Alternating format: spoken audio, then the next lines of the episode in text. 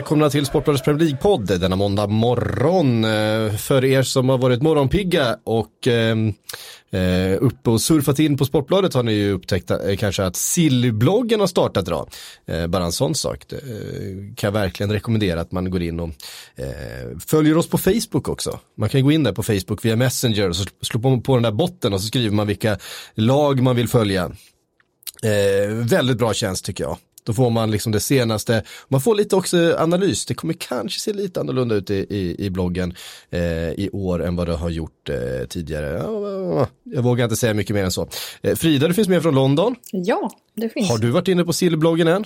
Eh, ja, jag har ju, eh, jag, jag arbetar ju så att jag har varit inne och skrivit lite. Ja, Ja, det är mycket bra. Kalle Karlsson, du är med här i studion. Du brukar inte skriva så mycket i bloggen.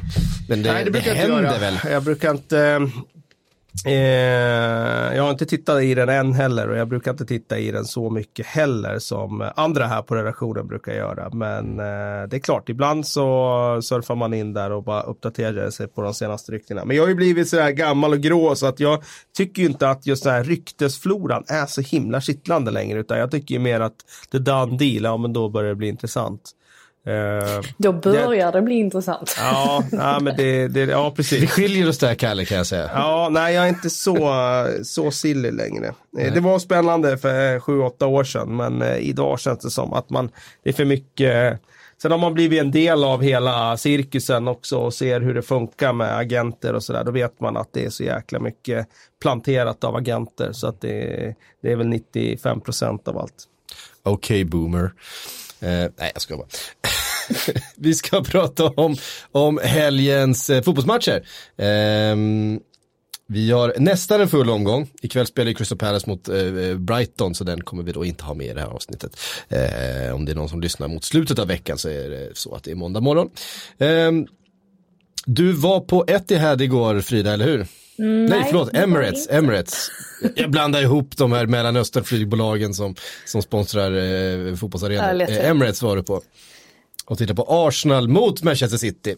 Eh, och eh, ja, vi hade på vårt eh, Sportbladet löp idag att Fredrik Ljungberg buades ut utav eh, Arsenal-supportrarna efter en eh, väldigt svag insats var det ju. Eh, det, det, var ju inget snack om att Manchester City var det bättre laget utav de två. Men hur var din upplevelse utav, utav matchen där på, eh, på Emirates? Nej men den var ändå, den skilde sig nog lite eh, jämfört med eh, många andras eh, åsikter. Eh, för det första så tycker jag ju inte, eller jag tror inte att det var Fredrik Ljungberg som blev utbuad. Eh, jag, jag, jag, tror nog att de flesta Arsenal-supportrar inser att han i princip gör vad han kan eh, med en väldigt prekär situation. Um, och nu har han ju till och med börjat prata öppet om att det är en oerhört komplex situation. Uh, just det här att han inte tillåts få ta in uh, någon hjälp utifrån, alltså till uh, ledarstaben eftersom att klubben räknar med att det snart ska, eller att de snart ska ha ett besked på hur det blir och vem som kommer antingen ta över eller om de kommer vänta till sommaren eller hur det nu blir. Ehm, så dels har han varit mycket mer öppen med sånt. Ehm, dessutom Kolasinac skadad, tvingas utgå vilket innebär att de i princip står Ja, de är ju en ytterback eh, färre i alla fall. Eh, och då med tanke på att Tierney skadades mot West Ham och eh, Berin är också skadad. Alltså det är ju också en, en, situation man måste, måste hantera och som inte är speciellt enkel. Ehm, så nej, jag tror inte att någon klandrar Ljungberg för att de förlorar med 3-0 mot City. Och ska jag vara helt ärlig så ehm, jag håller med Ljungberg till 100% när han själv säger att det är en klasskillnad. Ehm, och den skillnaden var ju framförallt igår då Kevin De Bruyne som gör en fantastisk match på alla sätt och vis. Jag menar Gwen Ducy hade ju inte en chans mot honom. Det var, det var helt uppenbart. Men jag tycker tycker, jag håller inte med de som tycker att Arsenal gjorde en fruktansvärt katastrofal match. Um, jag tycker faktiskt att ganska, alltså en del stunder som spelar de eh, riktigt lovande och Guardiola var absolut inte nöjd på presskonferensen efteråt. Um, han, eh, han fick frågan av en engelsk journalist, alltså i stil med och hur känns det att dominera så här kraftfullt mot ett lag? Och Guardiola var nästan så här, okej, okay, alltså va? Eh, det, det, det gjorde vi kanske till viss del och det är därför vi vinner matchen. Men det här var ju absolut långt ifrån vår högsta nivå eh, och det håller jag med om. Eh, så han, det, det, var inte vi som var bra, det var de som var dåliga. Det är det han säger underförstått då. ja, nej, men, men lite, lite grann så. Och Ljungberg pekar ju på detta också att han när han plockar av Mesut Özil då som lunkar av planen likt Granit Xhaka gjorde för inte sådär jättelänge sedan. Öz Özil fick ju en del burop men det var ju just därför. Alltså man får ju springa ut när man ligger under med, med, med 0-3. Alltså det säger väl sig självt. Det kan ju vara svårt att börja springa just i det skedet av matchen efter, när, man inte, när man inte har sprungit. Eh, det är svårt att bara börja springa plötsligt efter en timme på plan. Ja, Å andra sidan borde han haft lite energi kvar kan man tycka. Ja, jo, ja, men det, han det tog inte många löpsteg. Eh, i den där. Men Ljungberg var väldigt nöjd med, för han slängde ju faktiskt lite oväntat på eh, Emil Smith Rowe. Eh, som kommer in och ehm, ja, gör en helt okej okay insats med tanke på vad det var man man hade ingenting att spela för i princip med tanke på att det var tre mål upp och det ska mycket till för att man ska kunna vända ett sånt resultat mot City. Så att det, det var ju liksom hela matchen att det blir mål efter 90 sekunder. Det är klart att det blir en jäkla käftsmäll och det är ju för enkelt. Eh, alltså Arsenal de är ju fortfarande, det vet vi ju, de är inte vassa i försvaret och särskilt inte då mot en sån som Kevin De Bruyne. Um, och att man sen får, uh, liksom det blir 0-2 så himla snabbt. Och sen kommer ju faktiskt 3-0 när Kolasinac är uh, redan har tvingats gå ut. Och uh, Saka han inte får av sig överdragskläderna tillräckligt snabbt. Så att han kunde inte komma in. Så att då släpper man ju in det målet när man har 10 man på planen. Så det var ju en katastrofal kväll för Arsenal givetvis. Um, men jag tycker väl samtidigt att det var som Ljungberg sa, alltså man måste vara realistisk. Det är, det är så här det är. Ehm, alltså de står där, Arsenal står med sin trupp med, med dess kvaliteter och City står med sin trupp med dess kvaliteter. Det jag eh, tar med mig främst egentligen, det är att Guardiola när han fick frågan om Mikael Arteta, som han har fått hundratals gånger vid det här laget, eh, så var han faktiskt för första gången väldigt, väldigt vag i sin Eh, i sitt svar. Alltså han sa rätt ut att jag vet inte vad som kommer att hända och jag tycker att det indikerar att Arteta i alla fall har fått frågan. Ehm, sen får vi se vad som händer. Men jag, jag har börjat bli mer och mer team Arteta faktiskt. Ja, jag vet inte om jag alltid tar så här jättemycket liksom pepp på orden. Nu tänker jag inte på det här med Arteta, jag tänker mer på det här med matchen och det. Alltså, han kör ju lite omvänd psykologi. När hans lag förlorar då, då vill han gärna slå på den stora trumman om hur, hur bra de spelar. We played so good säger ju när hela världen står och liksom när varje reporter står i mixad och vill ha honom snacka om krisen i Manchester City. Och när de vinner med 3-0 borta mot Arsenal efter att ha gjort 7-1 i avslut på mål 14-6 i avslutsstatistiken totalt så, så är han missnöjd jag håller med om att de var inte fantastiska, men det säger ju väldigt mycket om Arsenal. Eh, de viker ju ner sig fullständigt i den här matchen tycker jag. Eh, och sen tycker jag, håller med dig Frida, de spelar inte jättedåligt mellan straffområdena, men det är ju inget nytt det här att de kan spela helt okej okay mellan boxarna. Det som jag tycker är intressant är ju att det inte blivit någon effekt av Ljungberg och tränarbytet. Nästan alltid, alltid, alltid blir det ju en effekt när man byter tränare. Framförallt när en tränare så uppenbart har kört in i väggen som Unai Emery gjorde. Eh, och oavsett vem som kommer in brukar det bli någon effekt. Eh, spelarna springer mer, de jobbar hårdare, det blir det, pressspelet biter bättre.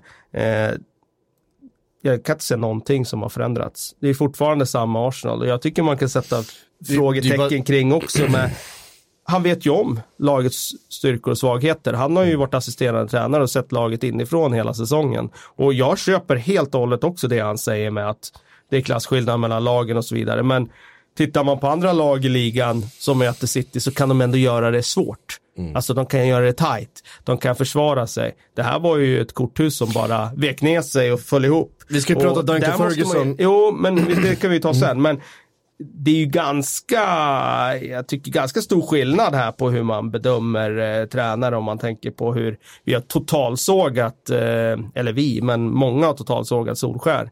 Eh, och pekar på att det är hans liksom, fel.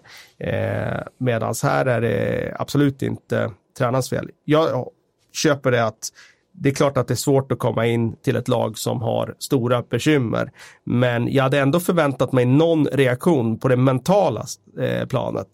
Jag förstår att han inte kan göra försvararna till, eh, till världsklassbackar över en natt. Men då får man ju dra ner på risknivån i mm. spelet. Och det har de inte gjort. De spelar ju på samma sätt som de gjorde tidigare och då är det svårt att få något annat resultat om man inte lyfter dem mentalt och det har ju inte klarat av att göra. Nej, Nej för jag tänker bara, eh, vi, vi kommer ju komma in på, på Duncan Ferguson och Everton om en liten stund här, men jag tänker på hans första match, bara för att, att få den reaktionen, att, ja. han, att ett lag som springer Exakt. in och tar bara fler, fler närkamper än vad de har gjort på hela säsongen, vad ja. de har gjort på hela 10-talet till och med. Ehm, alltså att bara få en reaktion, att någonting händer. Det, det, det, är inte säkert att man får resultaten med sig för det, eller att det ens ser bättre ut, men att någonting händer. Precis, och det, och det är det, jag menar, jag, inte säker, jag tror inte det är långsiktigt hållbart med Duncan Ferguson. Vi kan komma in på Nej. det med liksom hans energi och det där. Men han får i alla fall en reaktion. Ja. Och nu med Ljungberg in, det har inte hänt någonting. Absolut ingenting. Och titta på hans resultat, de är ju katastrofala. Sen som sagt, jag tror inte många hade komma, kunnat komma in och vända det. Men jag tycker det är ändå intressant. Det var ju en fråga i vår frågehög idag. Om det hade varit Mourinho som hade kommit in i Arsenal och Ljungberg mm. som hade kommit in i Tottenham hade det sett annorlunda ut. Jag är helt säker på att det hade sett annorlunda ut. För att dels har Mourinho mycket, mycket mer erfarenhet än vad Ljungberg har. Eh, och han är mer pragmatisk än vad Ljungberg är. Så att jag tror att han han hade dragit åt svångremmen på ett annat sätt. Så då kanske man hade förlorat med 1-0 mot City. Mm. Och det hade sett ut som att de, de är ett lag som hänger ihop. Jag tyckte pressspelet i, i den här matchen, det var ju helt och hållet obefintligt. Och då kan man säga, ja men det handlar om den enskilda spelare. Ja, absolut, jag köper det. Det är inte sett bra ut på, på hela säsongen. Men om du tar en tränare som är riktigt, riktigt, riktigt noggrann. Tänk en Antonio Conte, tänk en Mourinho när han är liksom i, i zonen med sin defensiva approach. Då sätter de det på plats till första matchen. Mm. Eh, på ett mycket bättre sätt än vad Arsenal har gjort. Jo men det är väl just eh. det också. Alltså, det, det, är ingen som förväntar sig att Ljungberg ska ta över den här rollen permanent och således så, så blir han lite... Eh, alltså folk liksom slår inte på stora trumman och, och Eh, och kritisera honom till 120 eh, enbart för att de vet om att liksom, han kommer ändå försvinna och det, då blir det mer att man eh, fokuserar på ledningen som, som verkar stå utan någon sorts plan. Alltså som inte ens verkar veta om de ska låta Ljungberg eh, ha ansvaret till sommaren. Alltså de har inte ens kommit så långt i tankeprocessen. Alltså det, det är väl därför liksom Ljungberg släpps eh, släpps fri. Sen, sen tycker jag, men... alltså mot, mot West Ham till exempel, nu var ju West Ham urusla givetvis. Eh, men där får han ju ändå en sorts reaktion. Så att de till slut vinner den matchen i alla fall, ganska komfortabelt. Nu är inte jag, jag är inte team Ljungberg på något sätt. alltså, men, men, eh... Är du team Arteta, det har du redan sagt. Men, men, men, eh, men, det lät ju inte riktigt så när Ljungberg fick eh, interimsrollen. Då lät det ju faktiskt eh, liksom på ganska många håll och kanter som att han har en chans att få det här permanent. Ja, och det tror jag Arsenal-ledningen ja. såg det också utifrån. som. Att, han har ju jo, själv aldrig att... sagt någonting om det. Alltså, han har ju liksom aldrig... Nej, men han, han kan ju inte säga något om det. Alltså, det är klart att han inte går i den fällan och, och pratar om det. Men det jag menar är att när han fick jobbet så så tror jag ändå att Arsenal-ledningen ville ge honom jobbet och går det bra så kommer han få det säsongen ut och så får man se längre fram. För det är uppenbart att de inte har en plan. Och det kan man tycka både det ena och det andra om. Att Arsenal har de allra största problemen långt ovanför Fredrik Ljungbergs huvud, det är ju helt uppenbart. Men det har vi ju konstaterat Just, många gånger. Jag kan ta in en grej som Jakob Nylén skrev i vår, eh, vår frågehög här. Jag vet inte exakt, jag, jag kan inte bekräfta eh, de här uppgiften, men, men att Eh, han menar på att Arsenal, när de sparkade Emery så sparkade de också hela hans stab. Vilket är så man gör, vilket var att sex personer försvann. Eh, ja, det är inte alltid det blir så, men i det här fallet tror jag han också hade tagit dit hela det gänget. Eh, sex personer ur tränarstaben försvann, man ersatte, ersatte med två. Alltså det var Ljungberg och Per Mertesacker som skulle göra jobbet ja. som de här sex Ljungberg har gjort pratade tidigare. om detta igår också, alltså på presskonferensen och menade på att Mertesacker exempelvis, han har ju dubbla roller just nu. Alltså dels är han kvar alltså, i akademin, men sen ska han också hjälpa Ljungberg. Det var ju därför Ljungberg um, alltså hade velat ha, ta in hjälp utifrån för att han känner att han, eh, att han klarar inte av det på egen hand. Um, och det är väl just det jag menar där med att det kanske är därför man skonar Ljungberg just nu. För att det är ju någonting liksom som inte är Eh, alltså man har ju inte, man har inte ordnat upp det. Han, vad som han själv sa att saker och ting behöver redas ut. Det är precis så det är ju. Eh, det kan ju inte vara lätt heller för honom att hantera, eh, alltså hantera den pressen när han känner att han inte har ett entourage som liksom backar upp honom. Och där tror jag också att det finns, där faller ett visst ansvar också på spelarna känner jag. Eh, hade du haft seniora spelare i det där laget som kände att nej, nu jävlar måste vi ta tag i det. Det är klart att det finns en massa kompetens i spelartruppen också att ta ett ansvar för att nu måste vi göra någonting, nu måste vi lyssna på, nu måste vi implementera allting det som sägs, nu måste vi rycka upp oss. det känns inte som det finns i den här truppen. Jag menar, vi pratar om seniora spelare som Mesut Özil. Han är ju liksom, han är ju Mr Minus-psyke liksom. Eh, en Granit Xhaka som är på dåligt humör. Eh, vi har mittbackar som inte vet vart de ska bli, bli av. Alltså det här har ju funnits, hade det funnits ledare i det här laget så tror jag att Ljungbergs jobb hade också sett annorlunda ut. Framförallt när, när han då har så, en sån liten stab att eh, eh, använda sig av. Eh, men om det är spelare som inte är intresserade av att spela för den där tröjan, ehm, då blir ju uppförsbacken eh, liksom ännu brantare istället. Då blir man ju, då blir man ju ett problem snarare än en tillgång i, i den här situationen. Ja, sen är det väl, alltså, jag menar, de här organisationerna är så otroligt stora så jag, jag menar, vill de lyfta upp någon tränare underifrån så är det väl bara att göra det.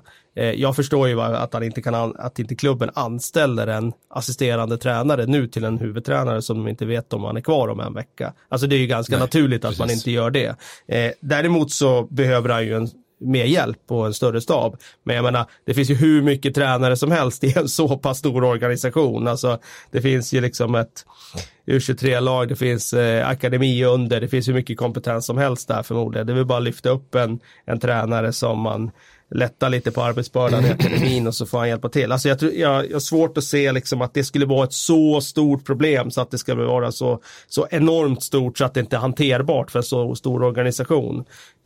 Um, men jag, jag har sympati för att det är klart att det, det är svårare om man känner att man står själv där som han känner att han gör just nu och Mertesacker kommit in som en hjälpande hand Alltså, det är klart att man behöver andra funktioner runt omkring i, i, ens, i den typen av klubb. Mm. Ja, ska säga någonting om Manchester City också då. De har ju också haft en liten formsvacka får man säga eh, senaste tiden. Eh, inte minst Manchester-derbyt gick ju inte som de hade eh, tänkt sig. Eh, kommer in här och, och, och dominerar, även om Guardiola efteråt eh, ser lite moloken ut på något sätt. Eh, så gör de ju en, eh, en eh, en över, det blir det är en övertygande seger minst sagt. De Bruyne är ju sådär bra som De Bruyne är ibland och då, då går det liksom nästan inte att försvara sig mot hans, hans fotboll för att man vet inte om han själv borrar in den in till stolpen eller om han bara spelar den på fötterna på vilka anfallare som helst. Um, och det lyckades ju Arsenal på inget sätt hantera. Det är ju fint också, alltså när när De Bruyne får chansen som nu att spela lite högre upp i planen. Alltså då, då får, det känns som att man får ta del av honom ännu mer, även om man förstår Pep också. Han är ju briljant alltså när han spelar lite längre bak. Men eh, då känns det som att han, eh, han får visa upp eh, ännu mer alltså, av sitt register. Och han fick lite tid och utrymme också utav eh, Arsenals defensiva mittfält ja, att göra säga, det. det. är ju klart han fick det, men de där avsluten är ju absolut toppklass. Det första där han borrar upp den i nättaket, den ska man mm. komma ihåg, det är inte så lätt att, att genomföra. Det är mycket studs på den där bollen, det är lätt att den hamnar på, på 74 bänkraden. Det, mm. det ser vi ganska ofta att den gör. Men nu, sådär klockren träff bara rakt upp i nättaket. Och sen det där eh, andra målet han gör, det är ju så otroligt behärskat att bara hitta hörnet. Och sen borde han ju faktiskt ha gjort ett tredje, för Leno gör ju en fenomenal mm. räddning får man ju säga på den. och det hade ju varit extremt om han hade satt ett hattrick på en halv, halvlek där. Eh, med tanke på att han gör ju inte så mycket mål ändå. Men mm. det hade ju i så fall varit tre mål på en halvlek. Nu har han, nu har han gjort sex mål totalt på hela hösten. Mm. Men det är ja. klart, han nådde en höjd som, som få kan göra i den här ligan. Min, Phil eh, Foden från start också. Ja. Eller ja, du skulle säga något Frida? Jag skulle bara säga att min favoritsekvens, alltså De Bruyne-sekvens, det var faktiskt ändå när i andra halvlek när han kommer med bollen alltså ganska långt ut på, eh, vad blir det, högerkanten. Eh, och han har Guendouzi eh, vid sidan om sig så man känner att men gud det borde vara omöjligt för honom att slå ett perfekt inlägg nu mot Raheem Sterling som befinner sig borta eh, alltså, i, alltså i mitten av planen. Men då slår han alltså passningen mellan Guendouzis ben. Och det var liksom så här så att hela pressläktaren bara Åh! Alltså, det, det, det, är så, det är så speciellt med en spelare som liksom ser möjligheter trots att man tänker att ja, men det, det bör vara omöjligt att lyckas med det där. Uh, nej, uh, men, men Phil Foden sa du, ja han... Mm. Uh, ja, alltså lite, lite blandad lite blandad sådär respons från Guardiola på presskonferensen. Han tyckte liksom att Phil gjorde en bra match men det märktes ändå att han kräver lite mer av honom. Mm. Han fick ju inte spela i sin riktiga position heller. Försvarsspel skulle han vara på vänsterkanten och det gör ju att han kommer lite ur position när de har bollen också. Mm. Eh... Men med boll så tycker jag att han ser så otroligt fin ut. Han har ju en, en passningsfot, man ser ju verkligen att han är, han är skolad av Mr kortpassningsspel, eh, Pep Guardiola. Han är så extremt trygg. Eh, och den här förmågan som jag tycker han har att hela tiden vinna en decimeter mer än vad andra spelare gör med sitt passningsspel. När han slår den, när han slår eh, en boll, framförallt när han slår den på utsidan eller ner mot en Sterling eller De Bruyne eller vem man nu slår den till. Han, han lyckas slå den precis så pass nära motståndaren att han vinner en ytterligare en halv meter eller en meter i bolltouchen på den som han spelar den till. Det är, en, det är den där David Silva eh, egenskapen som, som eh, man är så imponerad. Jag tycker verkligen han har den också, Phil Foden. Han, han, spelar, han, han spelar oerhört tajt runt, runt motståndarna i sitt passningsspel men, men med eh, väldigt övertygande säkerhet. Liksom. Eh, och såklart bara 19 år gammal och håller väl på att spela in sig i det här laget eh, successivt. Han är ju ersättaren till David Silva. Eh, det har ju tagit lite längre tid än vad man hade hoppats att eh, liksom, få speltid, men kan ju hoppas att han är redo i alla fall till den här våren, för jag tror mm. att City kommer vara så långt pass, efter i ligaspelet, så att jag tror att han kommer få en hel del speltid i, i vår här. Mm. Um. Precis. Eh, kan vi säga någonting om Arsenal där? Om någon, man ska hitta någonting positivt så var det väl mm. ändå Martinelli ser ju faktiskt eh, rätt spännande ut. Han är en av få som eh, just nu dessa veckor är en positiv injektion i det där laget. Och det känns väl som att han just nu är svår att plocka bort från elvan. Ja, verkligen. Um, de behöver ju alla alla ljusglimtar de kan få dessutom. Ja, de behöver i alla fall den där entusiasmen. För ja. att eh, nu kommer ju Ljungberg få hantera Mesut Özil-frågan som en spelare som visar allt annat än entusiasm som alla andra Arsenal-tränare de senaste eh, tre, fyra åren. Så ja, men han har ändå tagit in i värmen nu. Man tänker då mm. att en mm. spelare ska liksom ta den chansen och liksom börja prestera för en tränare som tar in han i värmen. Men icke. Kanske måste lyfta det här också med, med Kina då, alltså med tanke på Özil. För att eh, även om det kanske inte eh, påverkar det som händer alltså ute på planen så kan du ju ändå göra det. Eh, just att eh, Özil gick ut och eh, kritiserade den kinesiska eh, regimen var på Arsenal då kliver ut och tar tydligt avstånd från hans eh, uttalande. Det, det händer ju inte så ofta att en klubb gör sådär. Men eh, Kina är tydligen en viktig marknad om man säger så för Arsenals del. Mm, verkligen. Och för alla andra. Eh, är väl känslan. Eh, vi lämnar eh, Arsenal Manchester City där då eh, och rör oss några eh, timmar tid, liksom längre bak i tiden till Manchester United. Everton som eh, spelades på Trafford eh, bara eh, lite tidigare på eftermiddagen. 1-1 slutade den matchen. Eh, mycket snack efter om Duncan Ferguson och Moise Keane. Och det är ju någonting med att bytas in och bytas ut igen, framförallt när det är en ung liksom, lovande spelare som inte haft sin bästa säsong, inte har riktigt liksom, hittat någon plats i det här laget. Man, det finns så mycket runt den här spelaren som man, som man tror och hoppas och så har han liksom inte riktigt kommit in och så får han äntligen komma in och spela lite fotboll och så, så byts han ut igen. Och, eh, jag vill höra Kalles ni... take på, på detta. Köper ni Duncan Fergusons ursäkt om att det var för att uh, to waste time hade han fan kunnat plocka ut en spelare som inte hade energi kvar i benen i sådana fall. Ja, nej, det är ändå fem minuter alls. kvar att spela liksom. Ja, nej, det köper jag inte alls. Det kändes jättekonstigt att han började eh, prata om att han skulle fördröja tid. Ska du bara fördröja tid, ja men då tar du väl, precis som du säger, någon av dem som har sprungit runt där och försvarat i, i 89 minuter och, och eh, är trött. Du tar väl inte ut den som du precis har satt in då som har spelat 20 minuter förmodligen ganska mycket spräng i benen för att för, för i det läget spelar de ju fettet. Nej, jag tyckte det var eh, det var såklart en eh, märklig eh, grej. Man kan ju byta in och byta ut en spelare om man har eh, väldigt goda skäl till det. Eh, det kan ju vara något taktiskt. Jag, säger, jag har nog aldrig gjort det tror jag, men eh, Alltså jag utesluter inte att det finns, det finns situationer när man kan göra det. Även om man eh, liksom byter in en spelare med 20 minuter kvar. Mm. Det kan ju faktiskt, alltså läget i en match kan ju förändras av ett mål, vilket det gjorde i det här fallet.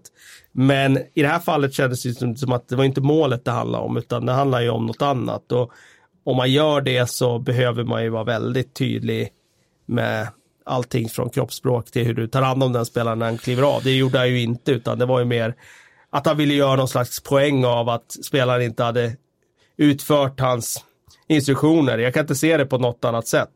Eh, och sen kanske han gav en annan bild efteråt när han förstod att oj, jag kanske inte hanterar det här på rätt sätt. Men det där är ju det enklaste sättet om man vill slå undan benen för en ung mm. spelare. Och nu har ju dessutom Keen haft en väldigt tung första tid i, i England där mm. han haft väldigt svårt att ta sig in i laget här. Och att då i det läget någonstans slå på den som ligger på det här sättet. Alltså det är ju så här, när han gör bytet, det måste man ju ha i huvudet när det är 20 minuter kvar. Att du tar in en spelare, då vet du ju att du kan hamna i en situation sista minuterna där okej, okay, jag tar in en ung spelare som kanske inte är så rutinerad och gör allting rätt i alla situationer. Ja, men då, då har du bytt innan, då får du ju köpa det liksom. Det, läget var ju inte så förändrat av Manchester Uniteds mål att det att de plötsligt skulle försvara sig. Så, utan det var ju samma typ av läge i matchen. Så att, jag kan inte se någonting annat än att han hanterar den här situationen jäkligt klantigt. Och det blev ännu värre av hans eh, beteende när spelaren kliver av. För mm. då blir det ju så Han står med ryggen ja, mot och liksom. du öppnar ju för så mycket grejer efteråt liksom istället för att ta hand om den spelaren i så fall som klev av. Det kan ju vara så att man känner liksom, nu tycker jag inte det var så nu, men säg att det plötsligt bara blir massa fasta situationer och man känner att man är underlägsen i luftrummet, man behöver byta in en, en mittback till eller någonting för att bara mm eh, ha en bra huvudspelare där inne. Men nu var det Nias av alla människor som kom in. så att, det var ju liksom like for like byte liksom rakt av. Nej, det var, det var konstigt och det var inte det som jag hade förväntat mig. Det kan aldrig finnas mig. ett taktiskt skäl att byta in Omar Nias. Nej men alltså, det, är ju, det är ju exakt samma, eller exakt samma ska jag inte säga, men det är väldigt lika spelare och sådär.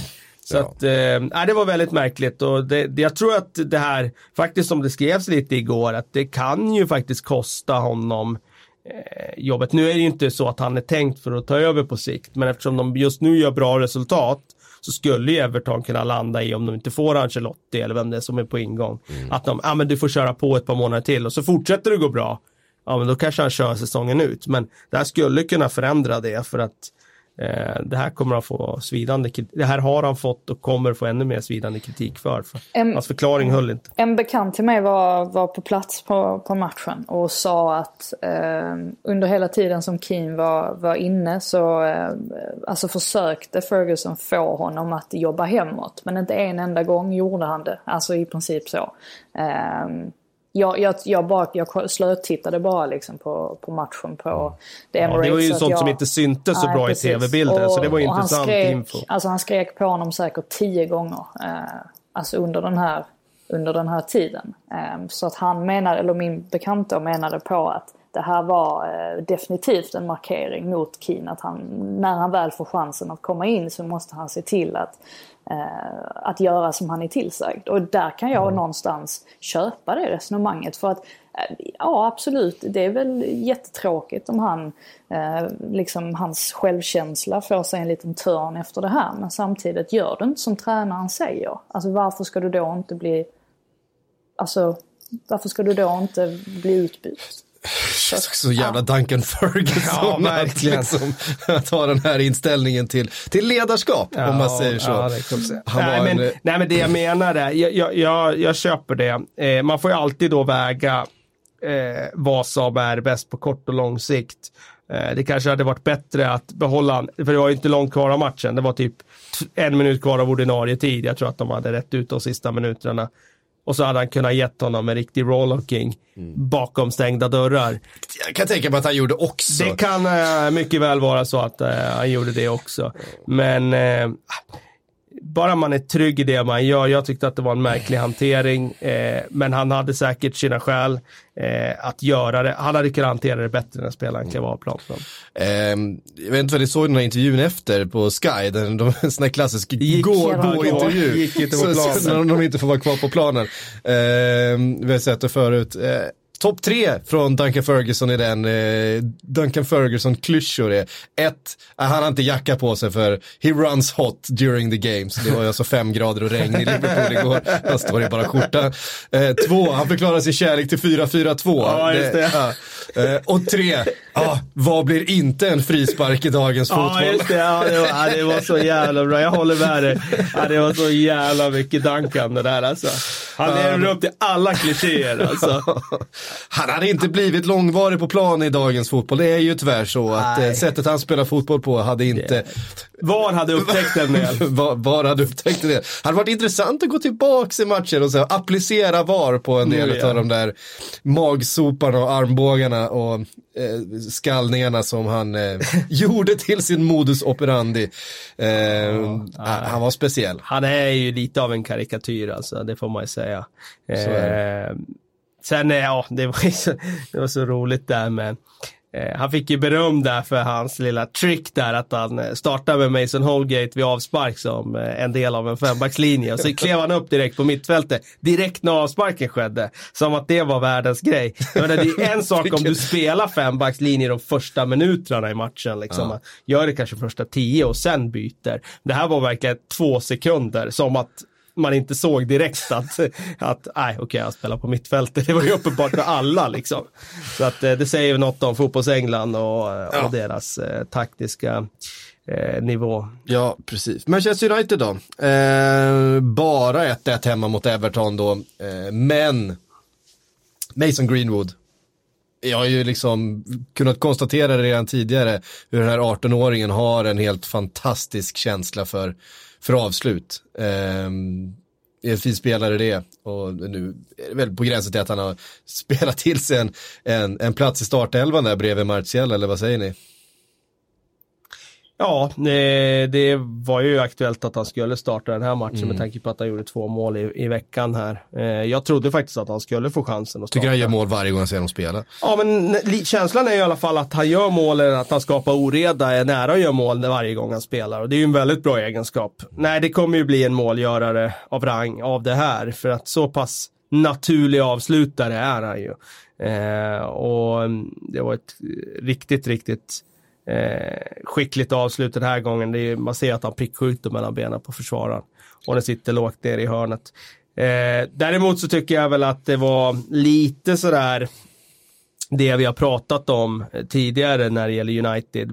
På, alltså både och kan man säga. Kollektivt så tycker jag faktiskt den här matchen att det fanns en plan för hur de skulle öppna ett lågt försvar. Det syntes att de hade en del idéer ute i ytterzonerna i den här matchen som jag inte har sett på samma sätt tidigare. Så det var någonting som jag tror att de har jobbat på och som var positivt. Sen ska det ju utföras också eh, med ackuratess och där, eh, där landar du ju ner i att du står och faller med de spelarna du har. Jag tycker att de hade ganska många chanser i första halvlek att utnyttja de kombinationerna som de trädde upp till att göra bättre saker och faktiskt ta sig igenom till skottlägen. Och det gjorde de inte tillräckligt ofta. Sen tycker jag att det blev faktiskt, jag har ju haft det lite som en sån där återkommande grej, men McTominay och Fred har ju hyllat det här de senaste veckorna när de har mött bra motstånd. Men nu ser man ju faktiskt återigen det som jag har sagt, att när de två spelarna, framförallt McTominay, ska möta sämre lag, då blir det ett problem att de inte är tillräckligt kreativa. Spelar inte tillräckligt många passningar framåt. Nu sa ju faktiskt Jonas Olsson det här medan han kommenterar matcherna. Han, han la ju faktiskt märke till det just med McTominay där i första halvlek. Han hade kanske inte slagit bort så många passningar, men han hade kanske spelat en, två passningar framåt. Och det, det blir det blir en följd av att de inte är tillräckligt bra på att hitta passningar genom motståndarna så blir det att de bara spelar utanför Everton och det var ju det de ville. De ställde upp i sitt 4-4-2 och höll dem ute på kanterna och då, då blev det, eh, för Solskärs del blev det dessvärre då eh, inte tillräckligt spetsigt framåt. Nej. Så att eh, gamla synder där för Manchester United när det handlar om att öppna låga försvar. Mm. Men ändå en liten eh, eh, man får ändå säga att Solskär har ändå liksom på något sätt stärkt sina aktier de senaste veckorna här. Det känns som man har vänt där på något sätt. Vi pratar inte lika mycket om att ja, nu är det liksom vilken vecka som helst så ryker Nej, men Han gjorde ju en dubbelsmäll där med att han slog både City, City och, Tottenham och, Tottenham på samma vecka. Och det är klart att det stärkte hans mandat något enormt. Jag, som sagt, jag tror att de, de två segrarna, om man lägger till då all prestige som Ed Woodward har i det här, så tror jag att det räcker för att han ska få leda laget säsongen ut faktiskt. Det ska till en riktig, riktig formsvacka framme i vår för att han ska få sparken nu. Och det är klart, det går inte att utesluta, men eftersom de gör de här bra matcherna emellanåt så tror jag att den där triumfen där mot City, den kommer innebära att de, att de faktiskt eh, ligger kvar med Solskär här på sikt. Mm. Och eh, det kommer bli en, eh, en tuff vår för att de har ju fortfarande de här problemen när de ska möta de sämre lagen och det är ju det är inte varje vecka de möter Big Six-motstånd. Liksom. Nej. Vi eh, stannar kvar på söndag då och säger någonting om... Ja, vi sa ingenting om den här frisparken. Jag tyckte det var ganska konstig Just hantering av VAR. Just det. Mm. Lindelöf gjorde självmålet, han ska ju givetvis inte lastas för det. Eh, de Gea fick ju, eh, ja, eh, kritik efteråt, men jag, alltså jag tyckte det var jättemärkligt faktiskt. Eh, man tänker på hur många frisparkar man har sett genom åren där, där anfallen spelar knappt gör någonting Nej. mot målvakten. Och så blir det frispark. Och man köper det för att ah, målvakten ja, får ju alltid frispark. Ja, precis. Och nu tittar man på det och det är en hand som är rakt upp i ansiktet på honom. Eh, och att de inte tog det var ju jätte, jättemärkligt. Vänd på det hela och mm. säg att Michael Oliver hade blåst för den där mm. och så hade det blivit mål, så hade VAR tittat på det. Det är inte så att VAR hade ändrat det domslutet då. Nej. Nej. Och det är det, oh, vi ska inte gå in Nej, vi ska inte gå in i det där, men det var jättekonstigt tycker jag. För mig var det solklar frispark. Ja, eh, vi håller verkligen med. Eh, vi rör oss till eh, Wolverhampton då och mötet mellan Wolves och eh, Spurs. Det var Ja men ett Tottenham som fortsätter gå bra under Mourinho. De har den där, den där plumpen eh, mot, mot eh, Manchester United. Annars så eh, tar de sina poäng nu för tiden och det är det man gör med Mourinho vid spakarna. det, det, är ju bara så. Eh, apropå effekt med ny tränare. Apropå effekt med ny tränare. Fertongen ut på vänsterkanten. Eh, där han ju förstås har spelat mycket tidigare i karriären. Eh, avgör den här matchen efter att ha fått eh, ha, ha löpduell efter löpduell med Adama Traoré. Och det, det är jobbigt eh, att göra i 90 minuter. Men eh, vad fint att han hade huvudet kvar på plats då i alla fall för att knoppa in den där bollen eh, på slutet och, och, och, vinna matchen för, för Spurs. Det, det satt ändå ganska långt innan. Jag tyckte att eh, det finaste efter matchen, för efter Burnley-matchen så pratade ju Mourinho sig väldigt varm om Son och efter den här matchen så pratade han sig väldigt varm om Gazzaniga istället. Jag tyckte det var lite fint för att Gazzaniga har ju fått ganska mycket Eh, ja, men lite skit sådär och det ska han ha haft. Han har släppt in några mål som har varit eh, lite sådär, ah, han hade definitivt kunnat göra det bättre. Ehm, eh, men just i den här matchen mot Wolves så gör han ju en jätteräddning då eh, innan fartongen till slut eh, får in segermålet. Och Mourinho han, eh, han jämförde ju Gazzaniga med sin egen pappa, vilket man väl troligtvis får se som en oerhört fin komplimang. Eh, och menar då på att eh, hans pappa då, Felix, som ju spelade, målvakt. Ja, men var målvakt och spelade för eh, Belenenses, eh, faktiskt mot Wolf i Uefa-cupen 1973. Han gjorde tydligen en liknande räddning på precis samma mm -hmm. arena. Eh, så att, eh, ja, det, det, tyckte jag var lite fint i alla fall. Var inte Mourinho målvakt en gång i tiden också? Nej, han var försvarare. Han var försvarare, mm. okej. Okay. Um... Däremot började han ju scouta motståndare när han var 13-14 år åt sitt pappas lag där. När han, Okej. var, mm, när han var tränare. Ehm, precis, annars, eh, ja, det var ju faktiskt ett par eh, ganska fina mål eh, dessutom i den matchen. Jag gillade Adama Traorés eh, fullträff. Ja, verkligen. Och Lucas Moras var inte så dålig heller. Nej, men, men det är ju Lukas Mora som, som stjäl showen. Eh, alltså han gör tre, fyra gubbar och sen bara... han har ju det där spelet i sig eh, emellanåt. Eh, ja. Ja. Ingen, ingen, ingen har väl glömt Ajax-matchen när han gjorde hattrick. Men eh, Vem är den bäst förbättrade spelaren nu då under Mourinho? Är det fortfarande Dele Alli? Nu såg jag inte den här matchen, jag vet inte hur bra han var. Eh, ja, alltså det är svårt att säga. Eh, Lukas Moras eh, eh, insats här är ju, är ju spektakulär om inte annat. Ett, vi får eh, vänta några matcher till så får vi återkomma till det. Jag tror det. Det är inte Oliver Skip i alla fall, så mycket kan vi säga. Stackars Oliver Skip. Satt på bänken nu i alla fall. Ja. Men om man tar Tottenham så fan, de har ju, som jag sa innan vi gick in i studion här, alltså de har ju satt sig i en position nu där topp fyra är ju eh, definitivt realistiskt. Vi eh, kan ju bara konstatera att det är tre poäng ifrån Chelsea. Satt ju här med Erik för ett par veckor sedan och han dömde ut deras chanser att överhuvudtaget drömma om eh, topp fyra den här säsongen. Men, men eh, nu ska jag säga att jag tror definitivt Spurs hamnar på topp fyra. Mm. Eh, ja, det beror ju lite grann på hur, eh, hur Chelsea hanterar sin form då, för där ser det ju eh, inte alls speciellt eh, muntert ut just för stunden. Eh, 0-1 hemma mot svaga Bournemouth, Bournemouth som kommer från fem raka förluster. Eh, hemmaplan på Stamford Bridge, och Bournemouth med kris i backlinjen. med, ja, men med kris överallt. De har ju liksom, ja, visst, alltså Nathan Ake förstås deras eh, bästa back skadade sig förra veckan. Men Cook var borta. de har ju Adam Smith var borta. skador precis överallt. Ehm, kommer ändå dit och, och, och vinner den här matchen Bournemouth.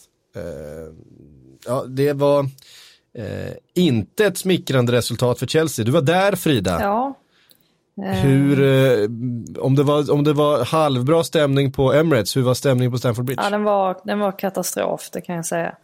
Um, ja, det här, den här matchen påminde ju väldigt, väldigt mycket om derbyt mot West Ham som inte heller var speciellt munter och slutade eh, likadant med en 0-1 förlust. Och det är, alltså det är många trötta ben i Chelsea nu. Eh, det har man sett att ofta så, för de spelade ju mot Lille här tidigare i veckan och jag var ju på den matchen också. Och då Eh, även om det blir lite skakigt där på slutet när Lill reducerar eh, till 1-2 så var det ändå en match där man hade fullständig kontroll. Eh, och nu bytte ju Lill, de hade ju bytt ut större delen av sin ordinarie startelva också. Men, eh, ja, men man, man såg ändå att det fanns lite energi i Chelsea och sådär.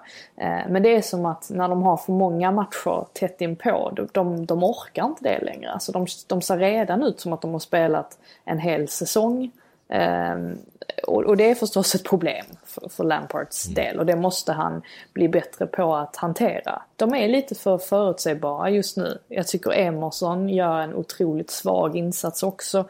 Han liksom, eh, han agerar väldigt märkligt i den här matchen och stänger liksom ytorna för Pulisic i princip så att Pulisic också försvinner helt ur, ur matchen. Eh, vilket då gör att eh, man tänker sig att eh, ja, men William kanske kan göra någonting men han, han hade inte heller sin bästa dag.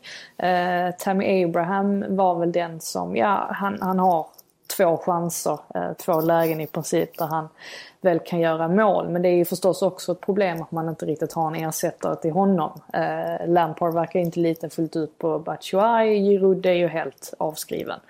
Eh, Mount hade inte sin bästa match heller.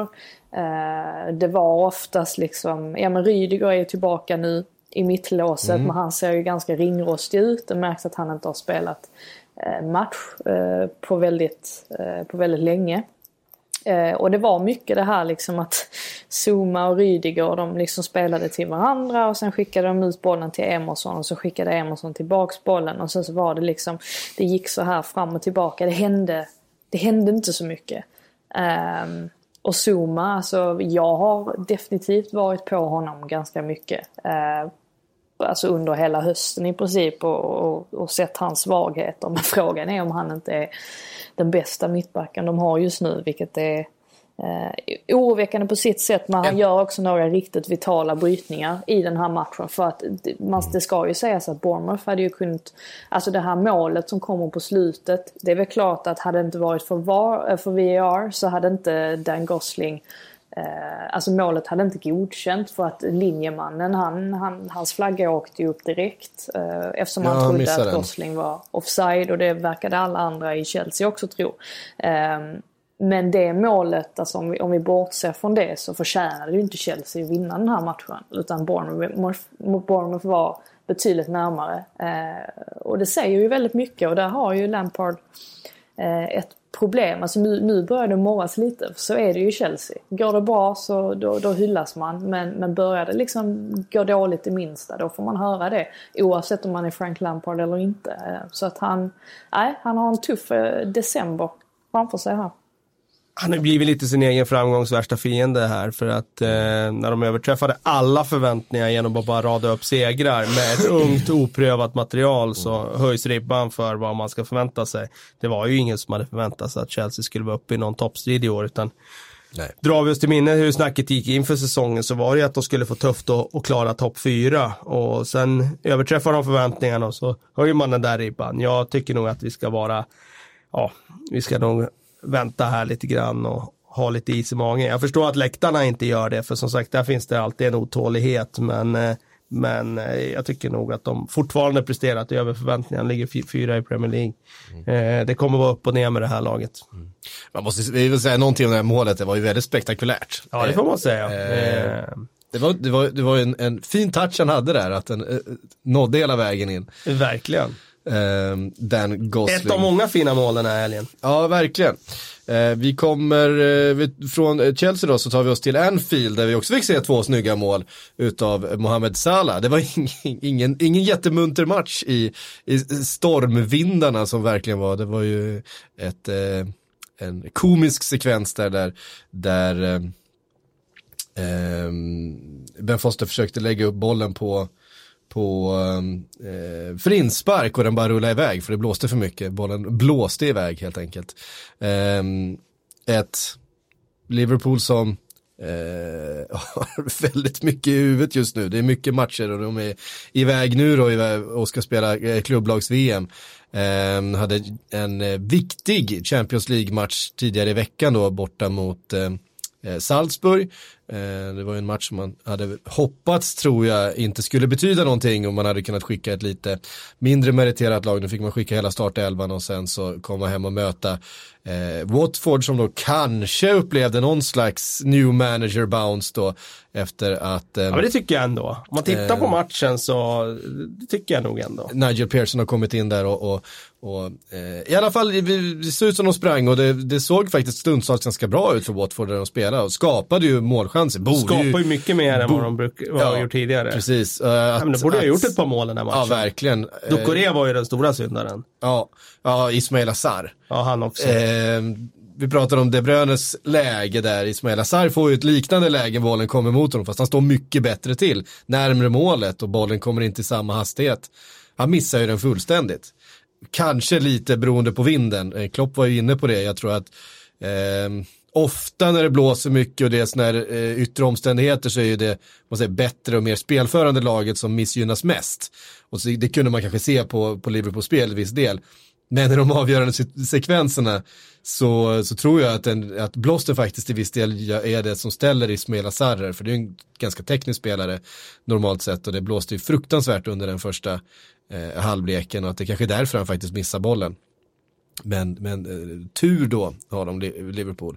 Samtidigt så är det så här att man, man eh, sen har man kvalitet även om man inte spelar speciellt bra så, så gör Salah det där 1-0 målet på en fin framspelning ska vi säga. På en, på en fin framspelning utav, utav eh, Firmino. Och ett en, en, ja, så Eller, man, man, man är med, emellan där ja. Och sen ett eh, avslut med högen då. Som är ännu finare. Ja. Eh, hans tre, tredje mål i rad där med högen. Han har ju mm. nästan bara högen till att springa med annars.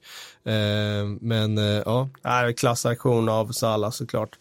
Ska ju dock höjas ett frågetecken där kring om man möter Liverpool, man har 0-0 efter 38 minuter. Ska man skicka fram så mycket folk på en hörna? Ska man inte döda den bollen? Ska man inte, alltså, eh, det finns en spelare i den situationen som jag skulle vilja hänga efteråt och det är Capoe. Mm. Som inte tar, han, han springer hemåt. Men han springer inte hemåt så fort som man måste göra när man möter Liverpool på Anfield. Och det gör att Säla får det där, liksom den där extra halvsekunden och ladda med högen. Hade han sprungit mm. ordentligt från början, då hade han varit där och stängt det. Då hade han inte kunnat gått inåt i plan. Då hade det inte blivit mål. Och i det läget så tycker jag att då har de ju chansen i matchen. Det står 0-0, de har haft massa chanser, Watford, att göra 1-0 och, och, då finns alla möjligheter. Men man måste verkligen göra allting rätt om man ska kunna tämja det här Liverpool. Jag är förvånad över att ett lag som är i den krisen som Watford är, att man inte är mer noggrann än vad man är i en sån situation där man vet att har vi hörna då kan Liverpool ställa om om vi tappar den här bollen. Ja, alltså för det, det är ju någonstans så här för, för Liverpool när, mm, alltså när spelet inte riktigt stämmer och man, man har, alltså passningsprocenten är inte där den ska vara. Eh, då kan man liksom alltid, om motståndaren då bjuder en på, på omställningar, det som verkligen sitter i ryggraden för det här trion. Firmino var ju bedrövlig i den här matchen, men när läget dyker upp i just den här situationen, ja men då har han den där instinkten att han slår en konstpassning i djupet, liksom över sitt eget huvud, ner till Manero som sen hittar Sala. Det är liksom, två passningar senare så är Sala en mot en med en felstående eh, Capo och så, så är det 1-0. Det var, som du säger, det var lite eh, naivt får man säga utav, utav Watford. Och, eh, ett Liverpool som försökte då Eh, jag tror Klopp kände på sig att det här skulle bli en ganska tuff match. Ställde då upp med ett 4-2-3-1 som har varit lite go-to för, för Klopp när han har känt att nej, nu måste vi eh, på något sätt säkra upp bakåt och liksom eh, få lite mer eh, eh, defensiv balans i det. Eh, det lyckades inte riktigt, tycker jag. Eh, Watford eh, fick istället lite fler ytor att jobba på. Um, men så är det, 2-0 till Liverpool. Det är andra målet också av Salah efter ett misslyckat skott av Origi som som han bara petar in med, med klacken som ja, mellan, mellan ju, benen på backen. Det är ju festligt att när man gör sådana där extrema missar som Origi så blir det bra i alla fall. eh, för jag menar, hade Definitionen av att det studs, studsar rätt för ett lag. Liksom. Ja, precis. Det är exakt det jag menar. Alltså, hade inte Salah stått där så hade han ju bara sett dum ut Origi. Men nu blev det en ja. perfekt passning istället. Och så får han klacka in den och tunnel på det. Ja. Eh, ja, I slutändan så känns det som att det var eh, det var de där chanserna som Watford hade i början eh, Absolut. av matchen och sen så har Liverpool ganska bra koll på det. Och sen en nolla. Och en nolla till ja. Det har inte varit så många den här säsongen. Nej, precis. Men tre i rad nu om man räknar in eh, Champions League också. Ehm, så att det tror jag eh, Klopp är nöjd med. Jag ska säga att Allison var väldigt bra i den här matchen också. Eh, gör några viktiga räddningar där ju när, när Watford faktiskt trummar igång. Alltså Watford har ju bra offensiva spelare, det vet vi ju. Det är sjukt att de bara tagit nio poäng hittills. Ja, det, är, det, är, det är inte bra. Nej. Men, men också om man tittar på hur spelet har varit under stora delar av säsongen så tycker jag det, det motiverar inte riktigt den låga poängskörden. Men... Nej, jag håller med. Får... Eh, tabellen ljuger inte som Nej, vi får se nu också för att så här få poäng, alltså det finns ju ingen klubb som har klarat sig kvar i Premier League. Um...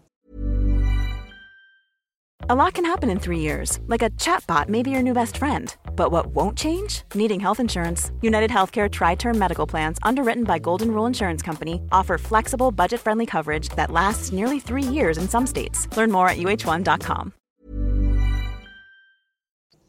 när de har haft så, den här poängskörden efter så här många matcher. Så att, eh, men men jag, jag håller också med. Jag, och jag tror väl att Watford kommer, de kommer säkert repa sig lite grann i alla fall. Eh, men det lär mm. väl inte räcka då till att hänga kvar. Um, och om vi tittar då på tabellen, eh, 9 poäng till Watford, 49 poäng för Liverpool då efter eh, 17 spelade matcher.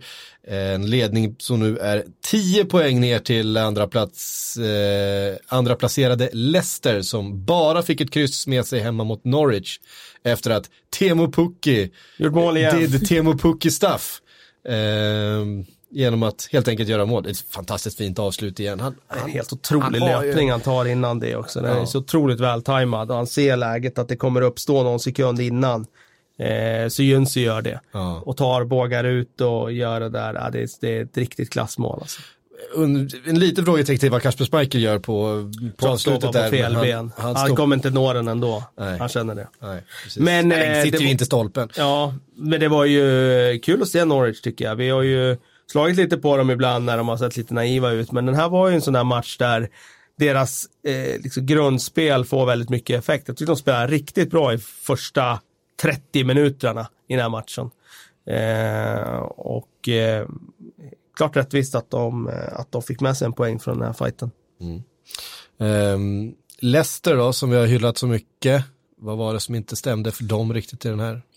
Nej, jag tyckte väl att de var lite, alltså dels så tycker jag att de hittar inte de där fickorna som de har gjort tidigare så bra. Eh, och dels så var det väl bara en, en form av att de har radat upp massa segrar. Förr eller senare så går man på en, en nit. Och eh, det finns väl också en farhåga här lite i att vi har överskattat Leicester. För om man tittar på de matcherna som de har spelat och så vunnit så har de ju faktiskt inte slagit så många topplag. Och nu kommer väl det om att eh, möta flera av de här va? Är det Det är väl så? City nästa vecka och Liverpool efter det. Precis, exakt. Och säga att de skulle torska de två. Ja men då, då eh, kanske vi ser på, på den här hösten på ett annat sätt. De har varit otroligt effektiva mot lagen på undre halvan. Och det ska de ha all credit för. Men eh, expected, expected goals som eh, en del gillar att prata om just nu. Där har de ju verkligen eh, tagit betydligt fler poäng än vad expected goals skulle. det var ju det man pratade om med Solskär där när han hade gått bra. Överträffat sina Ja, man har överträffat expected sina goals. expected goals så, så brukar det inte vara hållbart i längden. En tydlig svaghet är väl också att Brendan Rodgers har ju knappt roterat laget överhuvudtaget. Och det är väl kanske lite det också som börjar ta ur sin rätt. Alltså när samma spelare har spelat eh, så många matcher så till, till slut måste man ju, särskilt nu när det är så pass, de ska väl spela sju matcher nu i december liksom. Ehm, Så då måste man se till att rotera. Det kanske är så enkelt också att han har inte en tillräckligt bred trupp för att kunna göra det och rada upp segrar på det här sättet som han har gjort. Nej, precis. Ja, eh, det ger ju eh, en tabell som är nästan känns avgjord. Man vågar ju inte säga, säga på... Du vågar inte göra det, vi har sagt det för länge sedan. Så det, är augusti. så avgjort som det kan bli. Ja, precis. Ja, men vi sa det ju redan efter någon match där när City gick tungt där i början att eh, det här är avgjort. Ja. Och det, det kan vi nog slå fast. Ja. Eh, inte minst då med tanke på att eh, City och Leicester möter varandra nästa helg. Och, eh, någon utav dem kommer tappa poäng där. Eh, det Så. Eh, känns som eh, det är, eh, det är Liverpools säsong, men det är definitivt, definitivt Liverpools vecka nu. De ska spela eh, ligacup då på tisdagen mot Aston Villa. Sen spelar de eh, klubblags-VM på onsdagen. Just det. Eh, så de har mönstrat två olika lag Ja, eh, till och med. det De har lämnat, ungdomarna som... det kommer inte vara en spelare över 20 tror jag. I, ja, kanske, kanske finns det någon över 20 som, som, Som kommer, inte är med i truppen som inte är med till, till eh, Qatar då. Men, men sen från början i den här bruttotruppen var ju även liksom Brewster och, och eh, Elliot och de här eh, liksom lovande tonåringarna med i, i eller de är registrerade så de får spela klubblags-VM men de är inte med i första vändan. Sen är väl tanken kanske att de ska eh, flyga sig över efter den här matchen mot, Ja, det. eh, mot Aston Villa. Det. Eh, Bra läge för Villa att ta en eh, plats vidare här. De får ju lite gratis här. Ja, det kan man säga. Eh, Det var ju liksom i valet och kvalet om Liverpool helt och hållet skulle liksom, ur ja. eh, lämna VO till den här matchen men väljer att- spela med Men det är, väl, eh, det är väl ändå fine med att, för jag menar, ligacupen har ju varit en turnering där man har spelat de unga Ja. spelarna i ganska många år har ju då topplagen använt den på det sättet. Så att eh, man får ju se det positiva här. Det är klart att det är parodi såklart i grunden med att det blir så här. Men, Ja. men man får ju se det positiva att de får ju en riktigt tung match som kommer ge dem erfarenhet.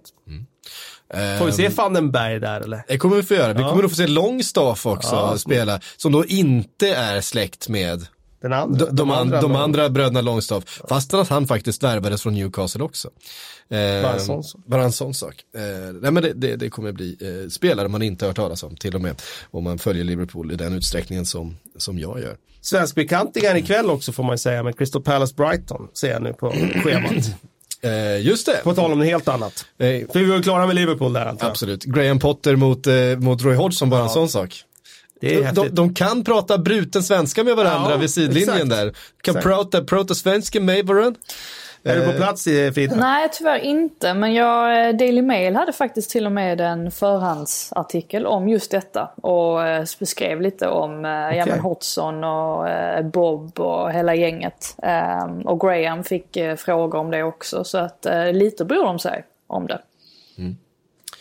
Ehm, säga någonting bara om Sheffield United innan vi går på frågor här. 2-0 mot Aston Villa. Alltså de fortsätter, de är uppe på 25 poäng nu. På sjunde platsen där. Ehm, Ja, de är snart klara kontraktet. Behöver ju bara 10 poäng till. ja, det alltså, ska att, de ju att, klara. Att de klarar kontraktet, det ser jag som lika... Jo, jo, men jag menar, vi har ju sett lag som bara rasar ihop. Men Absolut. nu har de ju nått en nivå så att de gör att de kommer klara ett ras här i vår där de vinner tre matcher i vår. Det kommer i alla fall räcka för dem att att greja kontrakten. De kan gå som Watford på Ja, det är andra det jag menar. utav, Det är det jag eh, menar. De kommer ändå greja det. Ja, eh, helt klart. Det var ett riktigt snyggt mål där också. Eh, en sån eh, otroligt lurig. Jag vet inte hur jag ska beskriva det riktigt, men eh, vem var det som gjorde det då? Fläck. Fläck såklart, han gjorde båda målen. Fan, jag gillar Fläck. Han, han eh, håller på att klättra upp i, i, i listan här över spelare jag gillar mest i den här eh, ligan. Kommer du ihåg hans farbror? Nej. Robert Fleck. Spelade för Norwich i början av 90-talet. Spelade även VM 90 mot Sverige. Fan, du låter bekant faktiskt, eh, namnet Robert Fläck. Ja. Han som fixade hörnan för Skottland innan de gjorde 1-0 genom Stuart McCall mot Sverige i gruppspelet. Där. Du ser. Bara en sån sak. Ja, verkligen. Eh, han, är, han är skön. Han har ett fruktansvärt hårt skott också som han eh, avlossar då och då. Det, är- då det är alltid ett, ett plus i min bok om man har ett hårt skott. eh, det gillar jag. Vi tar lite frågor då. Ehm, eh, David Raxén undrar, eh, går det att kombinera Kovacic, eh, Jorginho med Kanté? De föregående är ju, försva- är ju försvara genom att behålla bollen och den senare är ju att bryta och ställa om. Blir det inte per definition varken hackat eller malet? Alltså jag, jag tycker att det går, men då blir det ju på bekostnad av Mason Mount. Um, Ja. Och frågan är om man inte bör göra så mot Tottenham. Ehm, med tanke på att Mount ser lite... Ja, alltså att han liksom har en liten dipp nu. Ehm, och att man faktiskt vilade Kovacic ehm, nu eh, också mot Bournemouth. Så eh, är väl min känsla att man eller att Lampard kanske kommer att spela så. Eh, och det tycker jag att han ska, att han ska göra. Kovacic har varit, alltså enligt mig så har Kovacic varit Chelseas bästa spelare under hösten totalt sett. Um, Så att um, jag skulle bli förvånad om han inte spelar mot Tottenham. Mm. Ehm, vi har fått en fråga från Konrad Jonsson. Kräftgång för flera av topp 6-lagen och de klassiska plats 7-9-lagen, Everton, West Ham och så vidare som svajar. Är det läge för andra att investera och satsa rejält i januari för att ta en av Europaplatserna som annars en normal säsong hade varit orimlig att nå? Eller kan det drabba dem? Alltså Ja, det, tänker han på förlag typ Ja, Sheffield men United? Typ Sheffield United. ehm, Nej, men jag tror inte att de eh, behöver värva något på det, på det sättet, utan jag tror att de ska fortsätta det de håller på med. Och det är klart att det finns en chans då att ta en plats på topp 6 med tanke på att de ligger sjua idag. Eh, Newcastle är bara två poäng bakom. Ja, Tre- tre, poäng, tre- tre, tre poäng, poäng bakom. bakom. Ja, nej, det, de ska väl ni snarare värva av en annan anledning. Inte för att blicka mot Europa, utan För att mer bli för att förstärka, bli förstärka, bättre. Ja, för att bli bättre och förstärka truppen. Så att eh, det finns väl, nej jag tycker nog inte att det är så. Det är ganska många ändå klubbar. Jag tror inte man ska ta kortsiktiga beslut. Jag tror inte på det. Och jag tror det är ganska många klubbar där som, som har betydligt bättre förutsättningar för att hamna på topp 6 och ta de där platserna. Man tänker på även Wolves som, som är med där i leken. Så att eh, det finns ingen garanti om eh, Newcastle skulle, eller Crystal Palace skulle spendera massa pengar att de hamnar på topp 6 och tar Europaplats för det. Mm. Eh, Dennis Eng undrar, borde inte United släppa 4-2-3-1 nu eftersom, de, eftersom det ändå inte finns en tillräckligt bra tia och spela 4-4-2 med Greenwood Martial som anfallare? Men har de tillräckligt bra centrala mittfältare för att spela 4-4-2? Ja, det tror jag att de har rent om det handlar om svängar och täcka ytor, men eh, jag tror inte de skulle få lika bra spel mellan linjerna om de skulle spela på det sättet. Så jag tror det handlar om det mer. Eh, så att, eh, nej, jag... Plus jag att man stoppar ut Rashford hela vägen ut på en vänsterkant då i en 4-4-2. är ju en lite annan roll än den han har nu. Ja, man kan ju alltid skruva på det där. Man behöver ju inte vara det i offensiven så att man ligger på kanten och bara slickar linjen. Men eh, nej, jag vet inte. Jag tror inte, jag tror inte på det. Men däremot tror jag Greenwood kan ju, skulle ju kunna vara liksom en droppande eller han skulle kunna vara tia och, och kliva lite högre upp istället. Jag, jag tror att det går att få in Greenwood utan att gå över på trak 4-4-2. Jimmy Stråle eh, skriver fördel eller nackdel för Liverpool att ha en match till godo efter nästa helg. Stressande för de andra lagen att ligga långt efter eh, och då ha en eh, eh match mer spelad eller stress för Liverpool. Jag tänker mig att eftersom tabellen kommer ju se lite tajtare ut än, än vad den annars hade gjort då om Liverpool hade vunnit då den matchen. Eh, det går ju inte att förutsätta med, med matcher till godo. Vad tror ni? Spelar det någon roll för dem? Nej, inte när det är så här stort avstånd. Skillnaden om det bara hade varit tre poäng avstånd så att eh, man har liksom sett att man är i kapp. Men det är man ju inte nu, utan det är fortfarande extremt många poäng. Så att nej, jag tror inte det spelar någon roll när det är så här enormt avslut, avstånd upp till, det, till eh, första platsen. Mm.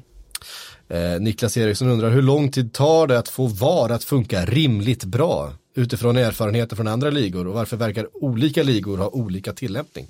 Ja, olika ligor har ju olika tillämpning. Eh, I England har man ju liksom medvetet tagit beslutet att VAR ska ha lite mindre att säga till om på något sätt. Men det har ju inte funkat speciellt bra. Eh, Nej, alltså min, min känsla efter förra landslagsuppehållet, alltså de för, den första omgången därefter, det var att det kändes som att eh, framför, alltså att domaren var lite mer involverad. Alltså att man inte eh, vände sig till VAR. Eh, till, alltså, uff, jag blandar, jag, jag, ska säga VAR eller VAR och sen så blir det en blandning. VAR. Eh, och det kändes som att de inte använde sig av det alltså, lika frekvent.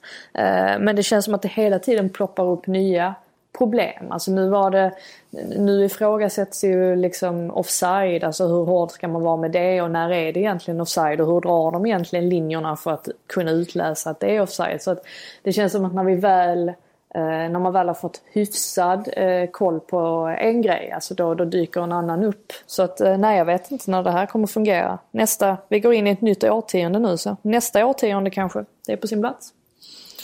Mm. Um, det här var ändå intressant. Det kom nu från Daily Mail här att Vinay har fångats på bild när han lämnar Mikael Artetas hem. Mm. Halv två i natt. Ja, spännande. Mm. Nu händer det. Vinay är alltså managing director i Arsenal. Mm. Um, bra.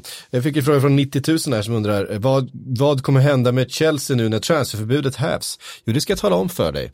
Uh, det ska vi tala om i Silly-podden som kommer i slutet på veckan och sen så ska ni gå in i Silly-bloggen och framförallt om man vill följa Chelsea då, då kan man gå in på, på, på, Facebook och följa botten. Då skriver man då Chelsea i den här botten får man alla nyheter från bloggen om det laget som man följer, man kan skriva in flera lag man kan skriva in flera eh, specifika spelare och lite vad man vill, så får man precis det då. Eh, speciellt då utvalt till sig, direkt utskickat via sin Messenger. Det tycker jag verkligen ni ska göra. Eh, det var allt som vi hade att eh, bjuda på den här måndagen ifrån Sportbladets Premier League-podd. Mitt namn är Patrik Syk, Kalle Karlsson, eh, tack till dig, tack Frida för att eh, ni var med och tack för att ni har lyssnat. Eh, på återhörande och god jul!